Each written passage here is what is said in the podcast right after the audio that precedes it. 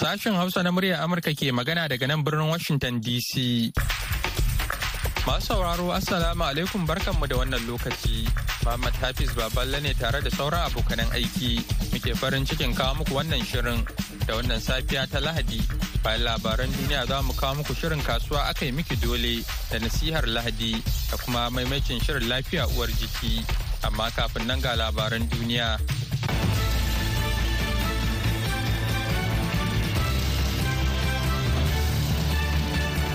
Jama'a assalamu alaikum. Sunana mahmud lalo. A ranar asabar rashin ƙungiyar mayaƙan hamas mai ɗauke da makamai ya ce zai jinkirta sakin rukuni na biyu na mutanen da yake garkuwa da su har sai isra'ila ta yi alkawarin barin karin motocin da ke ɗauke da kayayyakin agaji sun shiga arewacin yankin na gaza. Wannan matsaya ta mayaƙan ƙungiyar ta hamas ta bayyana ne yayin da ake sa ran za su saki karin 'yan isra'ila sha huɗu. Waɗanda za a yi musayarsu da fursunonin falastinawa arba'in da biyu da isra'ilan ke tsare da su. A yau lahadi yarjejeniyar da aka kulla ta dakatar da buɗe wuta ta shiga yini na uku a faɗan da ake yi tsakanin isra'ila da hamas yayin da yaƙin wanda ya kashe dubban mutane ya haura mako bakwai da barkewa. Firaministan isra'ila benjamin netanyahu ya rubuta a shafin x da ake kira twitter a da cewa ya ƙudura aniyar ganin an sako dukkan mutanen da ake tsare da su ta kowane hali. Mai kula da tsare-tsare a faɗin ayyukan agajin gaggawa na majalisar ɗinkin duniya martin griffith ya faɗa a ranar juma'a cewa dakatar da buɗe wutan da aka yi ya amfani al'ummar gaza isra'ila da sauran masu ruwa da tsaki a lamarin. Wani hari da aka kai da jirgi mara matuki kirar iran ya girgiza kiev babban birnin ukraine a ranar asabar. Mutum biyar ciki har da yaro ƙarami ne suka ji rauni a harin kamar yadda magajin gari vitali klitschko ya wallafa a shafin telegram. Rundunar sojin saman ukraine ta ce wannan shine harin jirgi mara matuki mafi muni da aka kai kan ukraine tun da rasha ta mamaye ƙasar.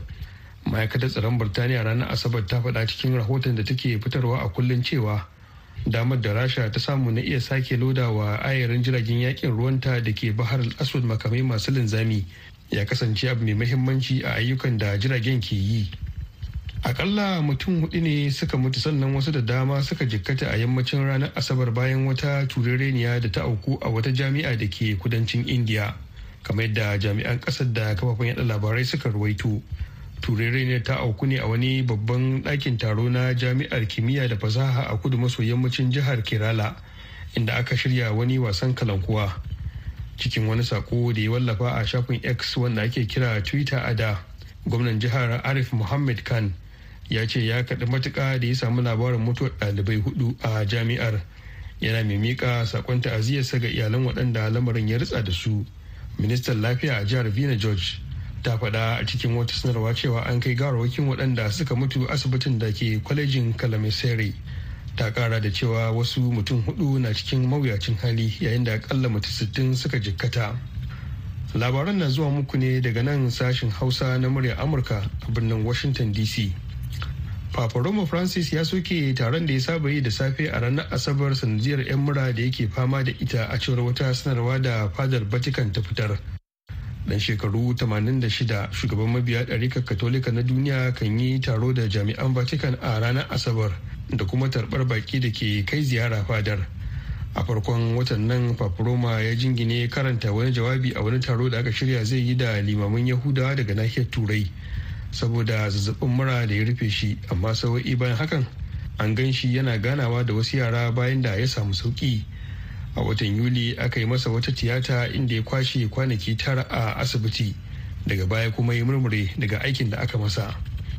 A fagen wasanni kuwa 'yan wasan faransa da mali za su fafata a zagayen wasannin semi-finals a gasar cin kofin duniya ta 'yan kasa da shekaru 17 bayan da dukkaninsu suka samu nasara a wasannin da suka buga a ranar asabar.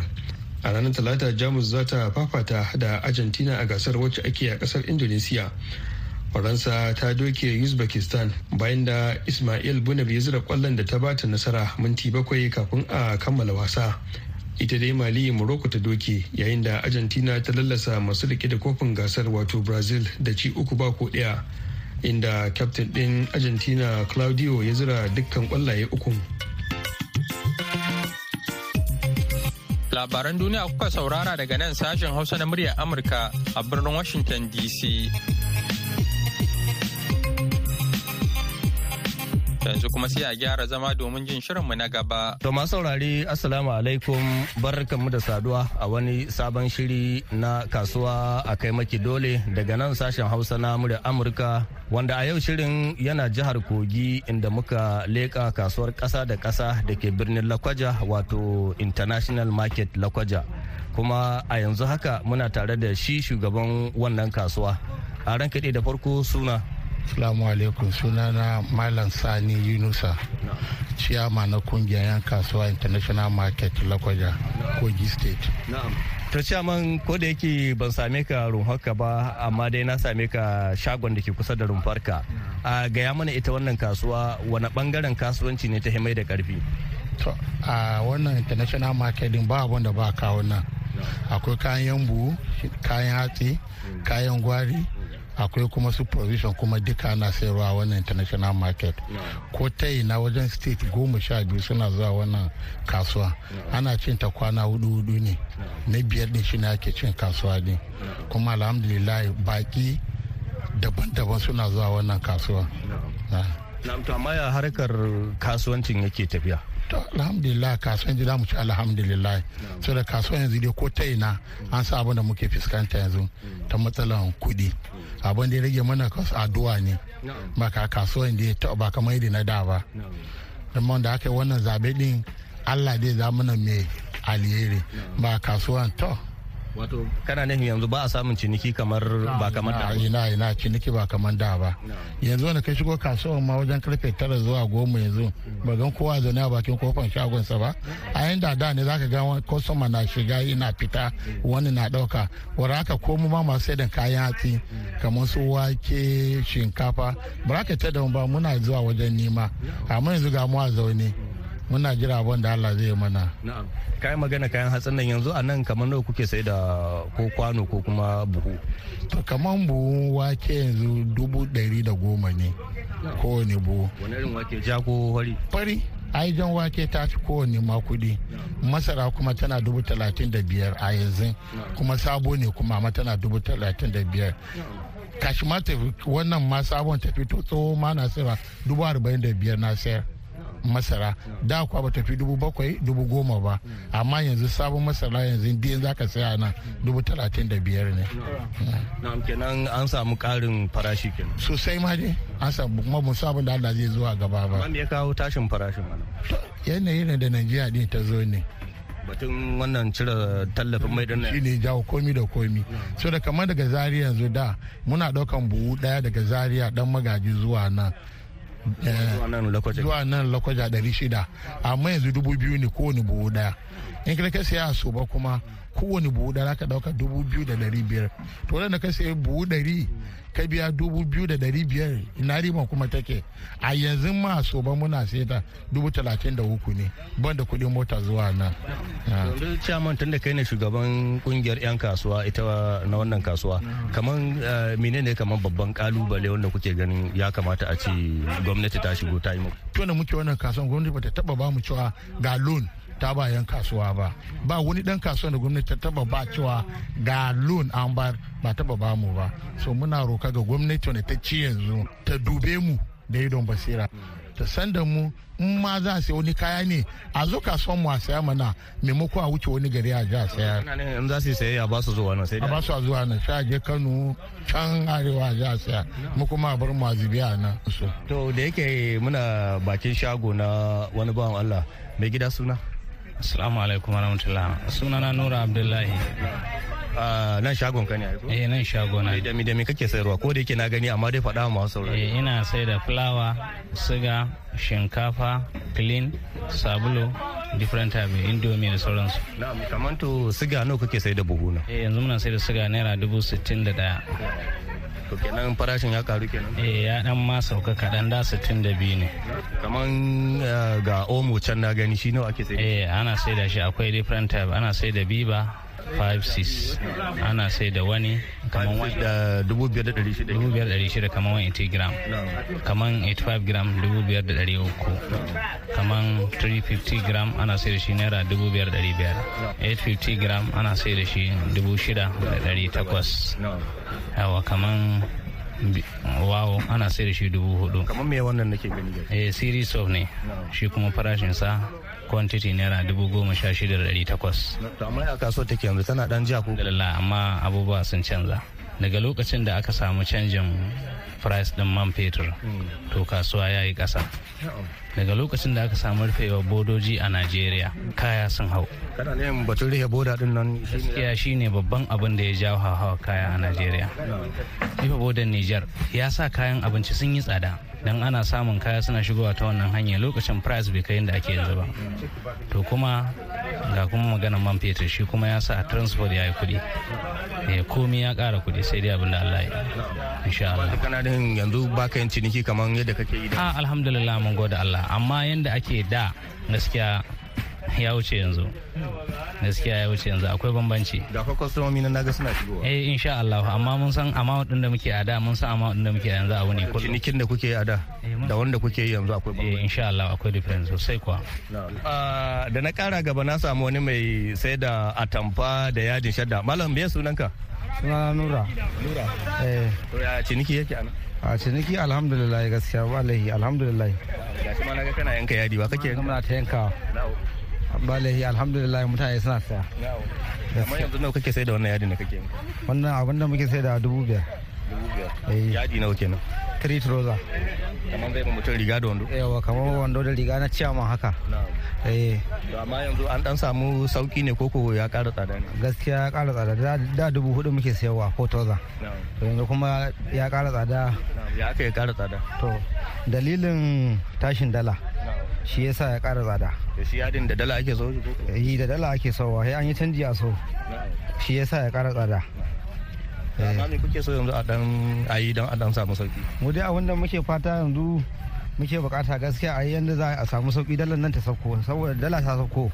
Komi zai yi kasa to bayan mun kammala da wajen 'yan abinci da masu probation mun matso wurin masu sai da kayan gwari. Kuma yanzu haka ina wurin 'yan kankana da agushi da salat da sauran kayayyaki dai na kayan ruwa wato hadda lemu. Ina tare da ɗaya daga cikin masu wannan sana'a. Mai gida suna? Sunana abdullahi abubakar. Ni ne ce mai yan kankana. Na sai da kayan furok nan kasuwar na lakwaja.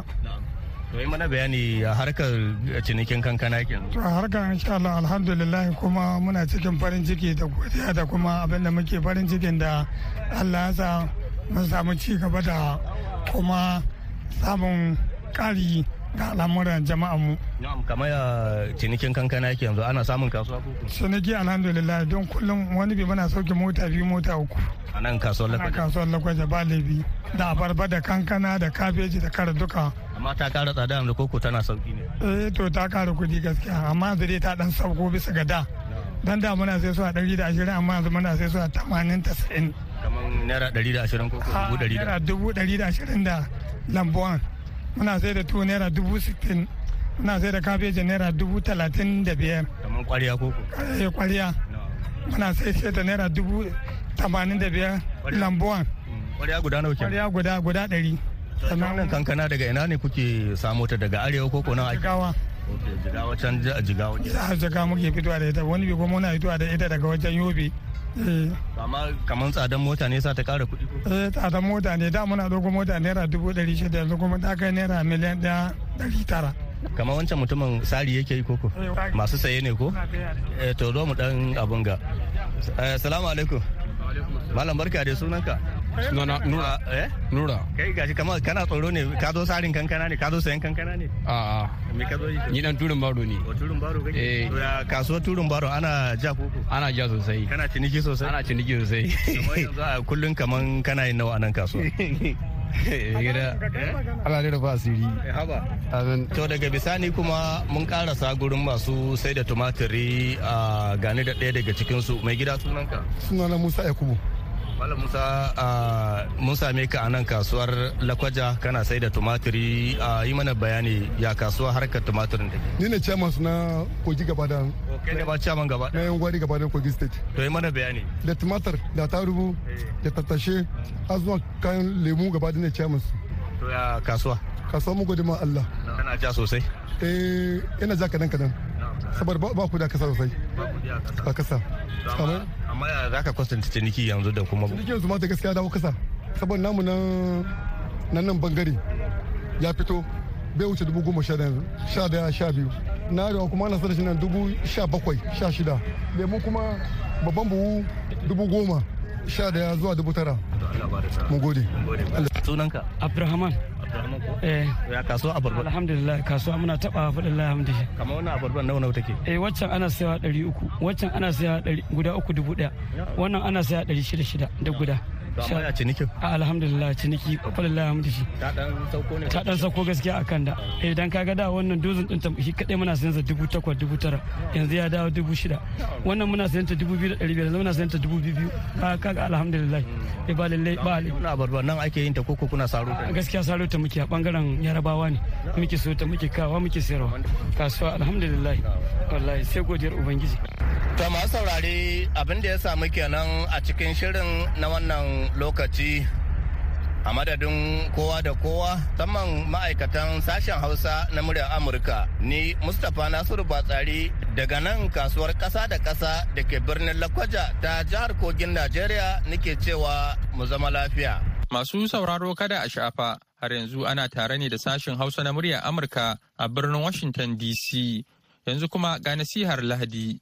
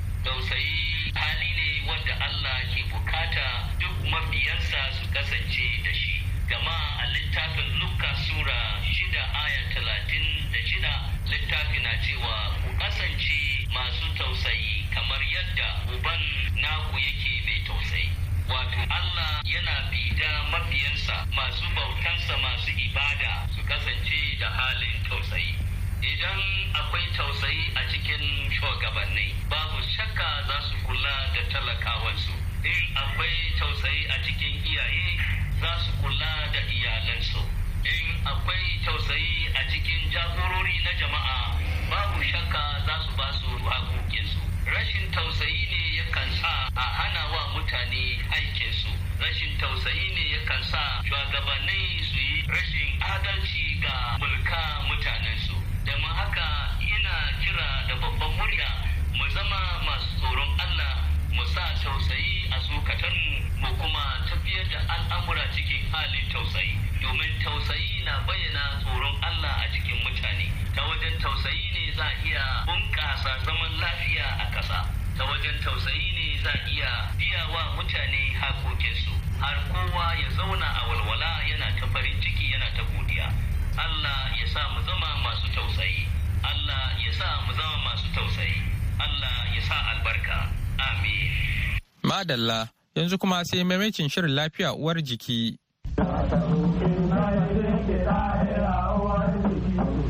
Jama'a masu sauraron mu barkanku da warhaka, barkanku da sake kasancewa tare da mu a cikin wani sabon shirin lafiya uwar jiki tare da ni Hauwa Umar. Idan za a iya tunawa a satin da ya gabata, ƙwararren likita da ke sashen kula da mata masu juna biyu na asibitin koyarwa na Malam Aminu Kano, wato Dr. Mahmud Kawu Magashi, ya koro jawabi akan antiphospholipid syndrome, wato matsalar dunkulewa ko kuma daskarewar jini a hirarsu da abokiyar aiki na baraka bashir inda ya mana bayani akan yadda matsalar ke addabar mata masu juna biyu da kan kai ga yawan bari ko kuma mutuwar jariri a cikin ciki da sauransu. Sai kuma lokaci ya yi halinsa wato lokacin da aka ɗibar wa shirin ya kawo jiki. To kamar yadda muka yi alkawari a wannan makon za mu ji abubuwan da ke haifarwa maza wannan matsala inda likita ya ci gaba da bayani kamar haka. Ka ce akan samu maza su kuma me yake haifar musu da wannan lalura? Kin ga in kama a namiji ne ai bai wuce wataƙila shi matsalar da ta shafi dunkulewar jini a kafofin jini ba. To wannan ne wataƙila daga nan za a iya cewa a yana da matsala. Misali akwai akwai larurar da ake ce mata systemic lupus erythematosus SLE.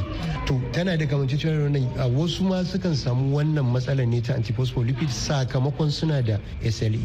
To wanda shi kuma kin ga na SLE ya shafi kusan duka sassan jiki ne domin tana iya wa kusan kowane sashi na jiki illa. Na ga abin ya shafi fata ya shafi huhu ya shafi hanta ya shafi yana shafar sassa na jiki da yawa. Amma a wannan tunda a mata ake magana to su ne su abin da yasa aka jingina nasu da batun harkar abin da ya shafi mai mai bari. Ya ake gano ana gwajin a nan Najeriya gwajin wannan lalura? To ana yi a nan ba ba a yi ba amma yawanci cibiyoyin da akan yi gwajin ne suka yi karanci gara daga baya bayan nan ma kwanan yanzu mun dan su samu karin wasu cibiyoyi masu zaman kansu da suke yin wannan gwajin. Kuma samun cibiyoyin ya sa da yawa yanzu ana gano mata da yawa da suke ta fama da barin wanda da sai dai kawai a yi hasashen wataƙila wannan larura ce. Kamar yadda na faɗa in mace ce bayan ga waɗancan sharuɗan da muka faɗa na nau'ika ko bari ko haihuwar ɗa bakwai ne ba za a yanke hukuncin tabbacin cewar wannan larura ba ce sai an yi wannan gwajin da zai nuna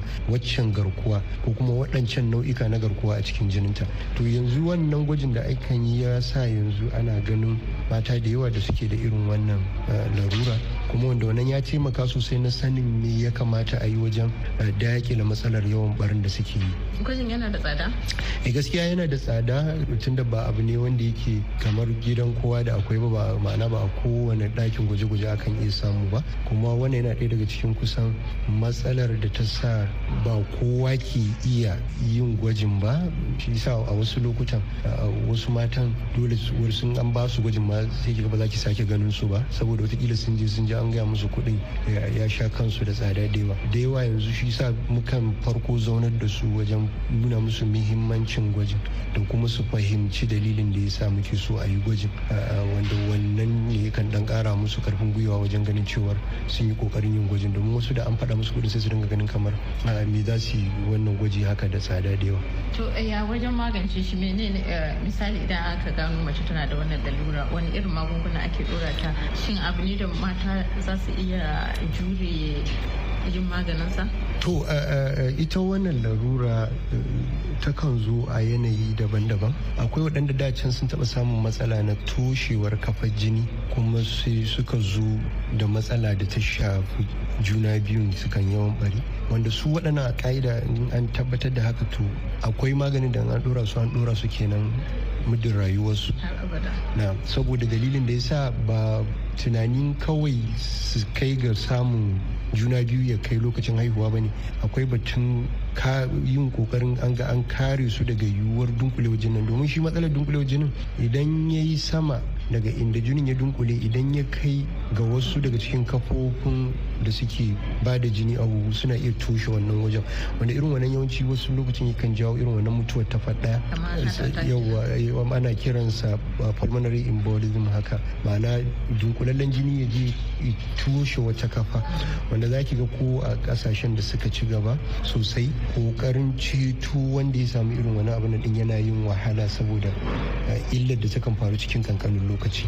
Wannan ya saka cewar dole akan yi iya bakin ƙoƙari wajen ganin cewar an fahimtar da su muhimmancin su zama suna kan ma'ana maganin da zai taimaka wajen hana dunkulewar jinin. Ita ga akwai waɗanda su kuma misali kawai matsalar su ba su taɓa samun dunkulewar jini a cikin kafofin jini ba illa yawan barin misali tunda muna magana akan mata ne. To kuma aka tabbatar da wannan larura ce to su kuma akan ɗora su akan maganin da zai hana dunkulewar jini sannan da maganin da zai hana tsukewar wannan kafofin jinin. To su kuma wannan ana dora su ne tun daga farkon sanda aka gano matsalar in suna da juna biyu har zuwa lokacin haihuwa. Akan kuma bibiyi su da magani har sati shida bayan haihuwa. Domin dalilin da yasa hadarin da ake gudu shine bayan haihuwa kuma idan aka samu dunkulewar jini shi ma yana iya jawo matsalar da wasu ko ya kai ga rasuransu ko kuma ya kai ga sai an yanke eh ko sai misali idan jini ya dunkule har wataƙila ya kai ga jini baya gudanawa to ai yana iya lalata ɓangaren musamman in gaba ce gaba da wannan abin ya faru. Sannan kuma aka samu wannan dunkulewar jinin kamar da muka faɗa ɗazu yana iya jawo waccan matsalar da yakan kai ga toshe wata kafar jini a huhu wanda wannan yana iya jawo matsala. To akwai kuma waɗanda su matsalarsu an gano cewar suna da matsalar nisan da suke da juna biyu. To amma kuma ana ganin cewar suna da haɗarin yiwuwar samun dunkulewar jini. To su kuma irin waɗannan baya da maganin da za a ba su na hana dunkulewar jini sanda suke da juna biyu da kuma maganin da zai hana tsaukewar wannan kafar jini to kuma akan so ko da bayan sun haihu su ma su ci gaba kuma ma'ana dindindin wajen yin amfani da maganin da zai hana tsokewar kafar jini. Hikimar wannan su kuma shine su a nan ba sai an ba su maganin da zai hana dunkulewar jini ba amma hikimar wannan shine ne ya zama da cewar ko da yaushe kafofin jinin su suna saki ba sa yawa ba sa ba sa tsukewa ta yadda zai iya jaza musu matsala da ko za su iya samun dunkulewar jinin ko kuma ma wannan yawan tsukewar kafar jinin yana iya jaza musu matsaloli na samun hawan jini ko da da ba su da shi akan kari. To idan muka dubi matsalolin da yawanci masu ta masu juna biyu sukan samu sakamakon wannan larura ta antiphospholipid syndrome ga uwar tana da hadarin kamar yadda muka faɗa yiwuwar samun hawan jini sannan kuma tana da yiwuwar hadarin idan hawan jinin nan ya tsanani ta samu wannan share fagen jijjiga abin da ake cewa severe preeclampsia ko kuma ta kai ga yin jijjigar ma idan ba a kula ba wataƙila abin da ake cewa eclampsia. Ga ɗan tayin da ke cikin ta sakamakon wannan matsalar da muka faɗa a baya yana jawowa isasshen jini da iska baya kaiwa gare shi. To yaro yana iya sumburewa a ciki idan ma har ya ci gaba da girma a wasu lokutan kawai sai dai uwa ta ji ta daina jin motsin ɗa misali. Idan kuma abin ya faru tun da wuri to yawanci yakan jawo matsalar ya zama cewar an yi barin cikin. Idan bayan ciki ya yi nisa ne ana iya samun ya zama cewar an haifi ɗa bakwai ne idan ma an sami yaron da rai kenan. Sannan kuma idan duk aka yi rashin sa'a ma ba a kula ba musamman game da uwa to abin yana iya tsananin da lokacin yakan wuce kawai matsayin abin da muke cewa shi a matsayin share fagen jijjiga ko jijjiga yakan kai ga har ya taba wasu sassan jiki. Wani abu da muke wani wata larura da mukan ce health syndrome. Wanda za health syndrome. Shi wannan wata larura ce wacce jinin jini zai dinga farfashewa. Wanda wannan yakan sa ya zama cewar dama a bisa ka'ida jinin mu wasu lokutan yana da iya muddar da yake zagayawa a jikinmu yana farfashewa. To amma yana yin haka kuma daidai yadda hantar mu take iya sarrafa shi. To idan ya zama na farfashewar jinin na abin ake cewa hemolysis ya yawa to sai kiga kuma ido ya fara rawaya rawaya sannan bayan haka ba ya fara rawaya ma'ana ya yi abin da ake cewa yalo haka yauwa. Kamar ma'ana abin da ake cewa shawara. Sannan bayan haka ita hanta da ya kamata ta sarrafa ko kuma ta kawar da duk wata guba daga cikin abinci da sauransu. To sai zama su sinadaran da suke aikin a cikin hanta su kuma sun yi yawan da sakamakon farfashewar ƙwayoyin halittar hantar sannan shi tantanin da ya manne hantar yana iya tsagewa a wasu lokuta irin wannan. Sannan kuma ƙwayoyin halittar jini wanda suke taimakawa wajen dunkulewar jini sai zama sun yi karanci. To irin wannan an sami irin wannan wannan shi ma matsala ce mai zaman kanta wanda wasu yankan kai ga su kai ga ransu idan ba inda zama a fahimci matsala ba ne. Domin zaki ga fitsari ya zama kamar irin yawa yayi duhu sosai. To wannan yana daga cikin irin matsalolin da wasu lokutan idan aka ƙyale larurar haka kuma ba tare da an kula ba sosai takan kai ga irin wannan shirin lafiya uwar jiki ne ke zuwa muku daga nan sashen hausa na muryar amurka kuma da fatan an ilmantu da abubuwan da likita ya faɗa. Kuma a nan za mu dasa aya a cikin shirin a madadin dukkan abokan aiki na da suka taimaka don ganin shirin ya zo muku musamman baraka bashir. Sai kuma likitan da muka kasance tare da shi a cikin shirin wato dr mahmud kawu magashi. Ni hawa umar da na shirya na gabatar nake cewa ku tare mu a wani makon ɗauke da ci gaban shirin. Mu huta lafiya. Wannan shirin na zuwar muku ne kai tsaye daga nan sashin Hausa na muryar Amurka a birnin Washington DC. Da haka ne kuma muka kawo ƙarshen shirin namu a wannan lokaci sai kuma da rana ku ji abokanan aikinmu da wani sabon shirin da ya hada da matasa a duniyar gizo. Yanzu a madadin dukan waɗanda suka ba da gudunmawa ga nasarar wannan shirin da suka hada da Julie Gresham da ta hada shirin da ba da umarni Muhammad Hafiz Baballake sallama da ku a wuni lafiya.